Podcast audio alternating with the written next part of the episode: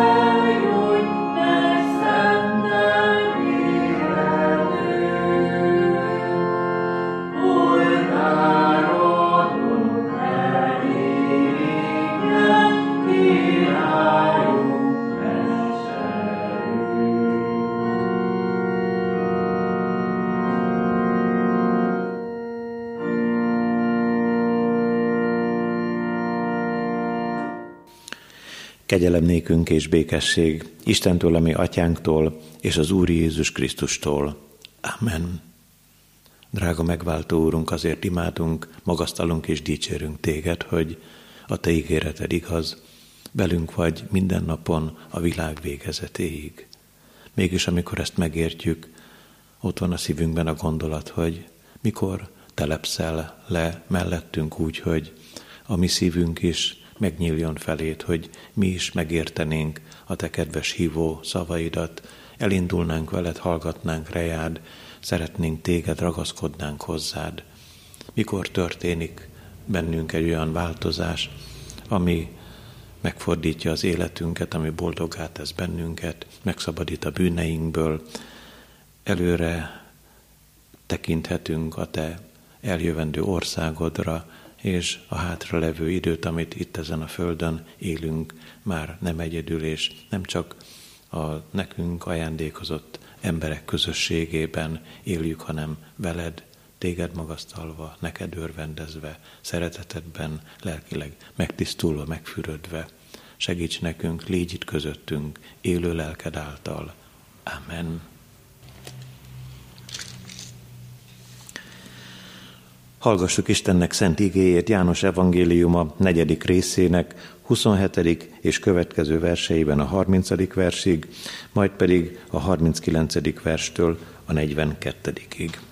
János evangéliumából szólt át az ige negyedik rész 27. versétől. Ekkor megérkeztek a tanítványai, és csodálkoztak azon, hogy asszonynal beszél, mégsem mondta egyikük sem. Mit akarsz tőle? Miért beszélgetsz vele? Az asszony pedig otthagyta korsóját, elment a városba, és szólt az embereknek. Jöjjetek, lássátok meg azt az embert, aki megmondott nekem mindent, amit tettem. Vajon nem ő a Krisztus? Erre azok elindultak a városból, és kimentek hozzá. A 39. verstől. Abból a városból pedig a samáriaiak közül Sokan hittek benne az asszony szava miatt, aki így tanúskodott. Megmondott nekem mindent, amit tettem. Amikor tehát a samáriaiak Jézushoz értek, kérték őt, hogy maradjon náluk, és ott maradt két napig. Az ő szavának sokkal többen hittek, az asszonynak pedig meg is mondták, már nem a te beszédedért hiszünk, hanem mert magunk hallottuk és tudjuk, hogy valóban ő a világ üdvözítője. Kedves testvérek, a mai bizonyságtételnek egy kicsit különleges címet adtam, egy rapid út Jézusig. A rapid azt jelenti, hogy nagyon gyors. És mégis, amikor ez a cím így megfogalmazódott bennem, úgy átgondoltam, hogy igen, egy néhány órás találkozás után ez az asszony megérkezett a mi drága megváltónkhoz, de a néhány óra alatt sok minden olyan állomás volt, zökkenő, ahonnan tovább kellett indítania az Úrnak ezt a sokféle próbatétellel, küzdelemmel, szenvedéssel megterhelt asszonyt. Hadd mondjam el azt, hogy a samáriai asszony története igen-igen közismert. Mégis szeretnélek biztatni benneteket arra, hogy ezt a negyedik fejezetet a János evangéliumából olvassátok el akár többször is.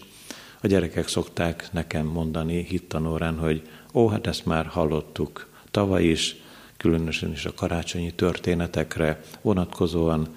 Ilyenkor én azt kérem a gyerekektől, ha így van, akkor mondjátok el.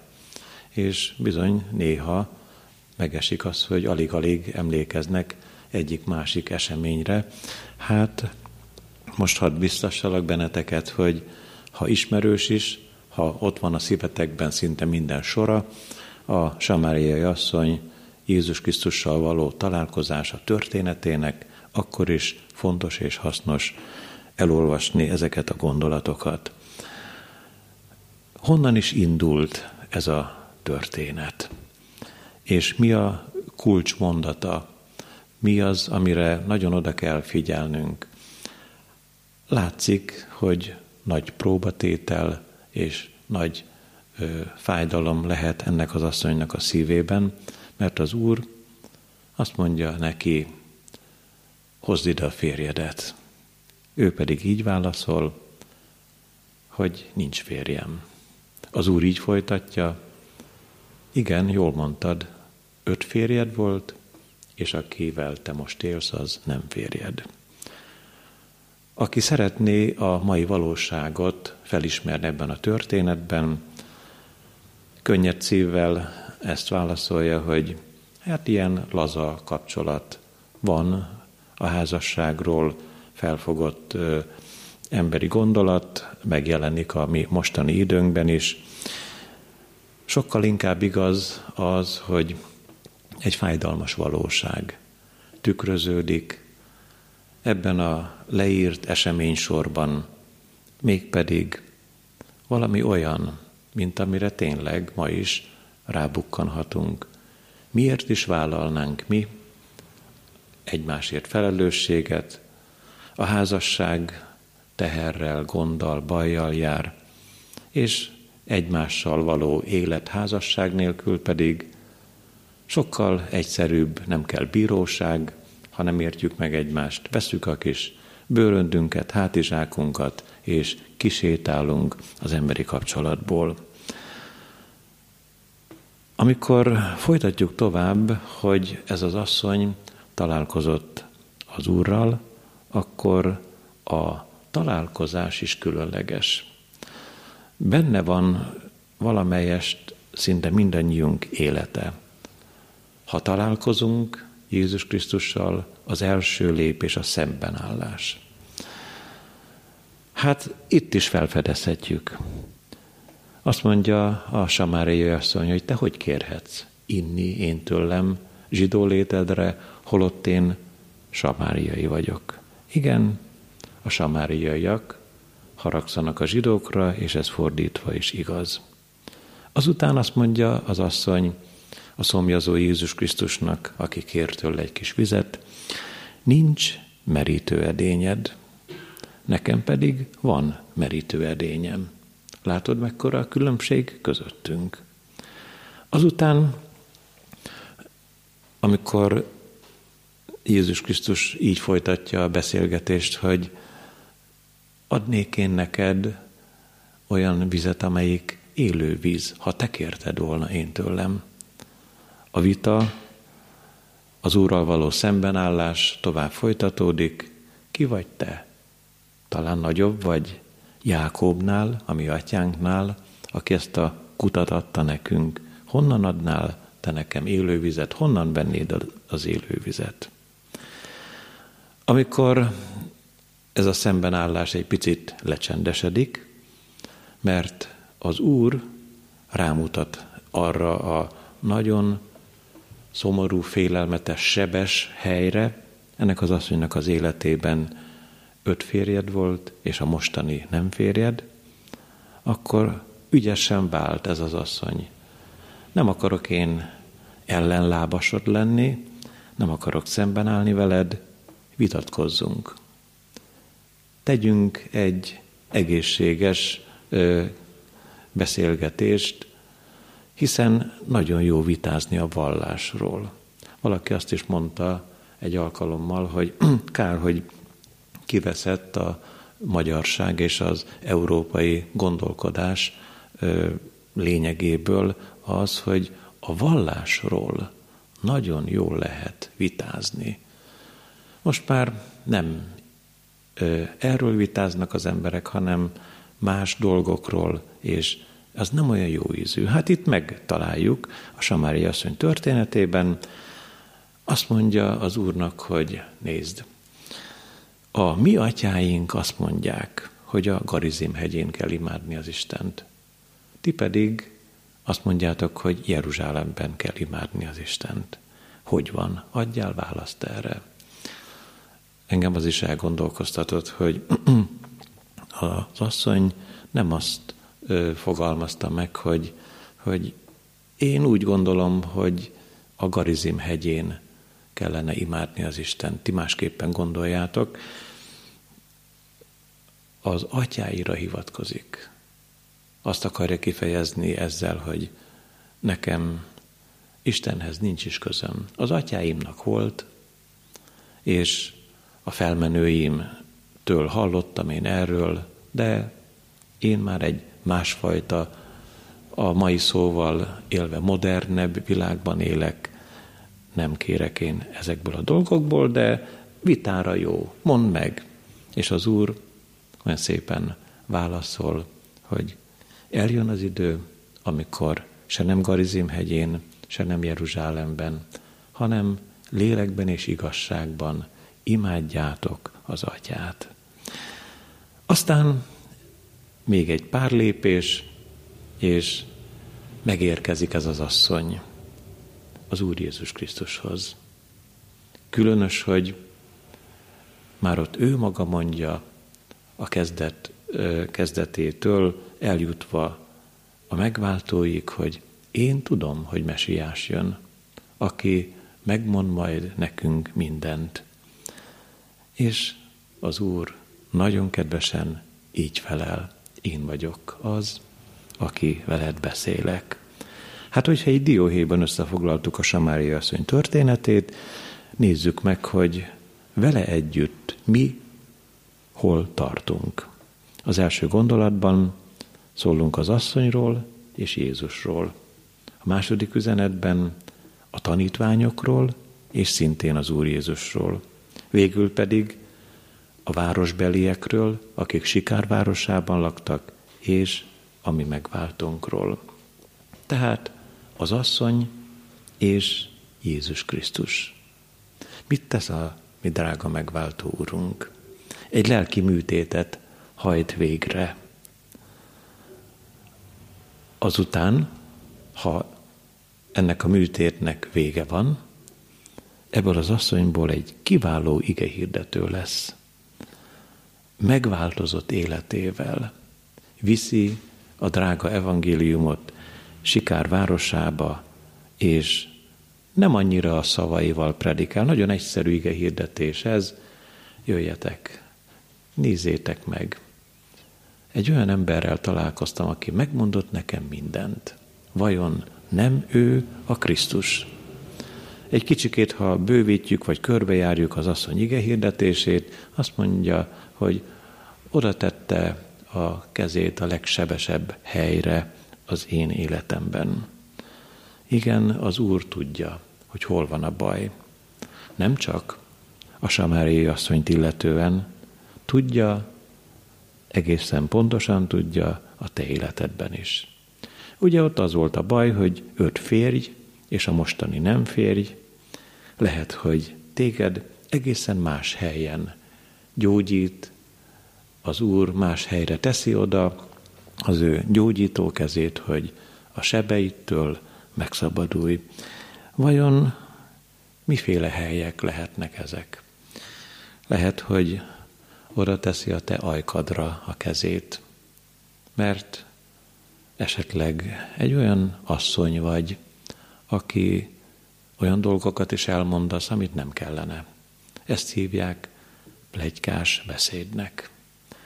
Lehet, hogy ha nem asszonyról beszélünk, hanem egy férfiról, akkor oda teszi a te kezedre az ő kezét, vagy a szemeidre, ahonnan erőszak és gonoszság árad, és az erődet akarod megmutatni, hogy te vagy a leghatalmasabb, akár a legszűkebb körben a családban, és ezen a helyen gyógyít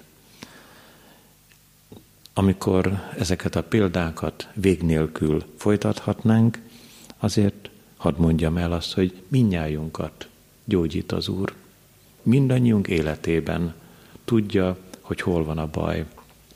Sokan ismertek már engem erről az oldalamról, hogy 27 éves koromban az Úr oda tette az ő kezét az én életemre is.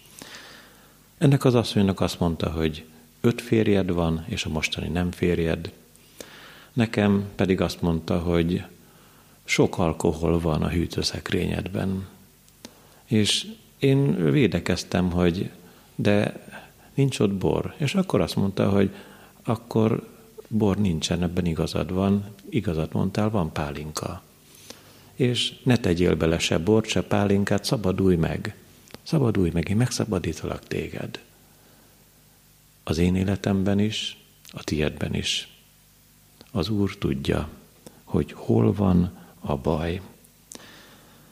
Amikor aztán feltesszük a kérdést, hogy miért nem mondták meg ennek az asszonynak Sikárvárosában, hogy hogy kellene helyesen élni. Nem lehetetlen, hogy sokan is megmondták. Éppen talán azért jött délben a kúthoz, a forráshoz, mert megmondták a magukét Sikárvárosának a lakói, csak hogy amikor mi megmondjuk, hogy hol van a baj. Általában az történik, hogy a szenvedőt, a bajba jutottat még mélyebbre taszítjuk. Az Úr azonban nem így bánik velünk. Az Úr tényleg szabadító. Van hatalma rá. És ezt az asszonyt olyannyira megszabadította, hogy örömmel mondta, ott hagyva a vedrét, futva Sikár városába, jöjjetek, lássátok, figyeljétek, nézzétek meg, vajon nem ez é a Krisztus. Mennyivel másabb az, amikor az Úr szól, amikor az Úr gyógyít, amikor ő teszi oda drága, védelmező, oltalmazó kezét a sebes életünkre. Olyan ez, mint amikor a virágra rásüt a napfény, és nyílnak a virágnak a levelei, és nyílnak a virágnak a kejhei, és egyszerre csak illatozóvá, áradóvá válik. Megnyílt ennek az asszonynak a szíve. A második gondolatban a tanítványok és Jézus Krisztus kapcsolatáról fogunk szólni, a samáriai asszony megváltozása hátterét érzékelve, át, áttekintve. Igen-igen furcsák ezek a fiatal emberek. Ők is sikárbárosából jönnek. Azért mentek el, hogy ennivalót vegyenek, és hozzanak az Úr Jézusnak is. És úgy én elgondolkoztam, hogy ez az asszony Sikárvárosából nagyon-nagyon sok embert hozott ki Jézus Krisztushoz. A tanítványok senkit sem. Legalábbis az ige nem ír arról, hogy amikor bementek Sikár városába, akkor az úr tanítványai közül valamelyik is azt mondta volna, hogy Sikárvárosban lakó férfiak, asszonyok, mi a mesiásnak, a megváltónak, Jézus Krisztusnak a tanítványai vagyunk. Gyertek ki, találkozzatok vele, itt van a forrásnál, ti is szoktatok a forráshoz járni. Most ne csak vízért gyertek, jöjjetek Jézus Krisztushoz, nem hallunk ilyenről. Azután megint csak, amikor azt mondjuk, hogy furcsák ezek a fiatal emberek, már mint a tanítványok, azon is el kell gondolkoznunk, hogy amikor megérkeznek, látják, hogy az Úr egy asszonynal beszél. Elkezdik ítélgetni a mi Urunkat. Háromféleképpen is. Röviden mondom ezeket. Egy rabbi ugyan eleve egy asszonynal nem beszélhet. Miféle dolog az? Aztán a másik gondolat szerint ez az asszony ráadásul samáriai. Hát ő a mi ellenségünk. Miféle dolog az, hogy egy ellenséges nép ből származó asszonynal szóba áll, ami megváltunk. Sőt, még egy harmadik gondolatot is mellé tehetünk. Úgy láthatták az úr tanítványai, hogy valami nincs rendben ezzel az asszonynal. Miért éppen délben jött? A forráshoz, a kúthoz nem ilyenkor szoktak jönni. Tudjuk, hogy mi foroghatott a tanítványoknak a szívében, gondolataiban. És milyen türelemmel tanírgatja övéit, tanítványait az Úr. Így szól hozzájuk, nem látjátok, hogy a mezők már fehérek az aratásra. Nem veszitek észre, hogy íme ennek az asszonynak megfordult a szíve, már másképpen gondolkodik az életről, és fehérek lesznek az utak mindjárt, mert jönnek Sikár városából, ti nem hívtátok őket, az asszony ide fogja hívni őket, és megfehéredik a ruhájuk, mert az ige utolsó gondolatában mindjárt fogjuk mondani, sokan hittek Jézus Krisztusban. Jönnek az asszony szava miatt először, és ezért nagy hála lehet a szívünkben, hogy ma is, a mi időnkben is vannak nagyon gyorsan megváltozott életek, akik eleven erővel, a megváltozott életükkel predikálják a Krisztust, és jönnek. Jönnek mélységekből, bajokból, veszedelmekből, sokan Jézus Krisztushoz. Végezetül pedig az ige utolsó gondolatában szóljunk a városbeliekről és Jézus Krisztus kapcsolatáról. Ismételjük meg, az asszony szava miatt jönnek sokan. Azután kérnek valamit. Arra kérik a megváltót, hogy maradj nálunk, ne menj el. Mint amikor az emmausi tanítványok oly szomorúan indultak el Jeruzsálemből Emmaus felé, és melléjük szegédik az Úr. Amikor menne tovább, így kérik az Emmausiak, maradj velünk. És aztán a kenyér megtöréséről felismerik. És amikor ott marad két napig, az Úr Jézus a sikárpáros beliekkel, a Jákob kutyánál, onnan is, ebből a közösségből sokan felismerik, hogy ő a mesiás, és hisznek. Mi az üzenete számunkra ennek? Az az üzenete, hogy gyere te is a magad városából. Jöjj Jézus Krisztushoz. Van két napja reád. Azt olvassuk az igében, hogy két nap múlva az Úr megy tovább. Elindul Galileja felé. Hát hiszen ennek a két napnak volna valamilyen fontossága volna, valamiféle üzenete? Én úgy is értem Isten igéjét, hogy két napja van, ami drága megváltunk Európában, Magyarországon, a nyugati világban. És eszembe jut a 90. Zsoltár, meg más is írja, Isten igéje ezeresztendő, annyi előtted, mint egy nap, mint egy őrváltásnyi idő éjjel. Igen, az Úr lassacskán a két nap után tovább megy. Tovább megy Európából, az Egyesült Államokból, és megy Dél-Amerikába, és megy Ázsiába, és egyszerre csak a kínai keresztjének többen lesznek, mint Európában az összes keresztjén. Szomorú és szívszorító gondolat ez. Meg is kérdezzük, mi lesz a ma városaival? Mi lesz Budapesttel, és még sok más várossal? Ki fogja vinni az örömhírt? Úgy járunk, mint ahogyan az Úr megfigyelte a tanítványokat. Sikár városában voltatok, senkit nem hoztatok el. Lesznek-e samáriai asszonyok, akik nem tudnak predikálni, nem tudnak gyönyörű irodalmi módon összefont nagyszerű gondolatokat egybefűzni, de odaállnak, és azt mondják, nekem megmondott mindent predikálnak az életükkel. És lesz-e a mi mostani városainkkal olyan csoda, hogy valakinek a szavára majd jönnek Jézushoz sokan.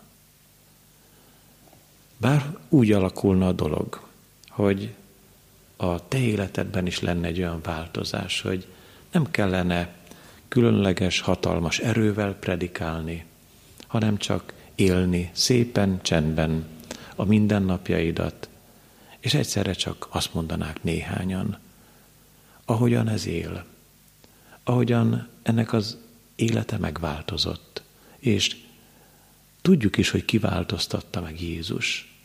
Menjünk hozzá, keressük meg őt. Legyen közöttünk sok férfi és sok asszony, legyen sok fiatal és idősebb testvér, akinek a szavára Jézushoz jönnek majd sokan. Mennyire fontos az, hogy legyenek örömmondó testvérek, bizonyságtevő testvérek, akik viszik a jó hírt, jöjjetek, lássátok, nézzétek meg, nem ez é a Krisztus. A fontos és jó hírt bivő embereken túl van egy még fontosabb. Találkozás Jézus Krisztussal. És amikor ez megtörtént, a sikárban lakó emberek életében azt mondták ennek az asszonynak, már nem a te beszédedért hiszünk ő benne, hanem mert mi magunk láttuk, felismertük, hogy ő a világ üdvözítője. Ezt a még fontosabb lépést tedd meg, szeretett testvérem, minél hamarabb. Amen. Köszönjük neked, drága megváltó úrunk, hogy hívó szavad hangzik. És köszönjük neked, édesatyánk, hogy elküldted ide a te egyszülöttedet, és ma is felismerheti a világ, a világban élő sok-sok ember, hogy nem is adatott az ég alatt más név, amely által megtartathatnánk. De ő igen, ő úgy adatott, hogy üdvözítő és hatalmas bűnből szabadító úrként áll oda mellénk. Szükségünk is van rá, hogy elesettségünkben, összetört életünknek beteg pontjain, ő az ő szent kezével érintse meg az életünket, és változtassa meg a szívünket. Dicsőítünk ezért, drága atyánk, hogy te nem tartottad ott magadnál a menny dicsőségében, hanem ebbe a nagy lelki sötétségbe, sokféle nyomorúságba elengedted őt, hogy szabadítson, hogy bűnöket megbocsásson, hogy testi nyavajákat is gyógyítson, hogy örömünk ő benne teljes legyen. Segíts, hogy tudjunk erővel kapaszkodni az ő hatalmas kezébe. És segíts arra is, hogy jó hír vívők legyünk, ahogyan az történt ezzel az asszonynal is. Áld meg a családokat, szeretteinket, áldj meg bennünket a rejen következő hetekben, hónapokban, és szabadíts meg ettől a súlyos betegségtől, ami végigjár országról országra, kontinensről kontinensre, hogy a szívünkből felfakadjon a hála feléd, hogy felismerjük, milyen hatalmas, szabadító, bennünket szerető Úr vagy Te. Hallgass meg, édesatyánk, Jézus Krisztus nevében. Amen. Mi atyánk, aki a mennyekben vagy, szenteltessék meg a te neved, jöjjön el a te országod, legyen meg a te akaratod, amint a mennyben, úgy a földön is. Minden napi kenyerünket add meg nékünk ma, és bocsáss meg védkeinket, miképpen mi is megbocsátunk az ellenünk védkezőknek. És ne vigy minket kísértésbe, de szabadíts meg a gonosztól, mert tied az ország, a hatalom és a dicsőség mindörökké. Amen. Az atyának kegyelme, a fiúnak szeretete és a szentléleknek közössége legyen és maradjon minnyájunkkal. Amen. Befejezésről a 467. éneket énekeljük végig.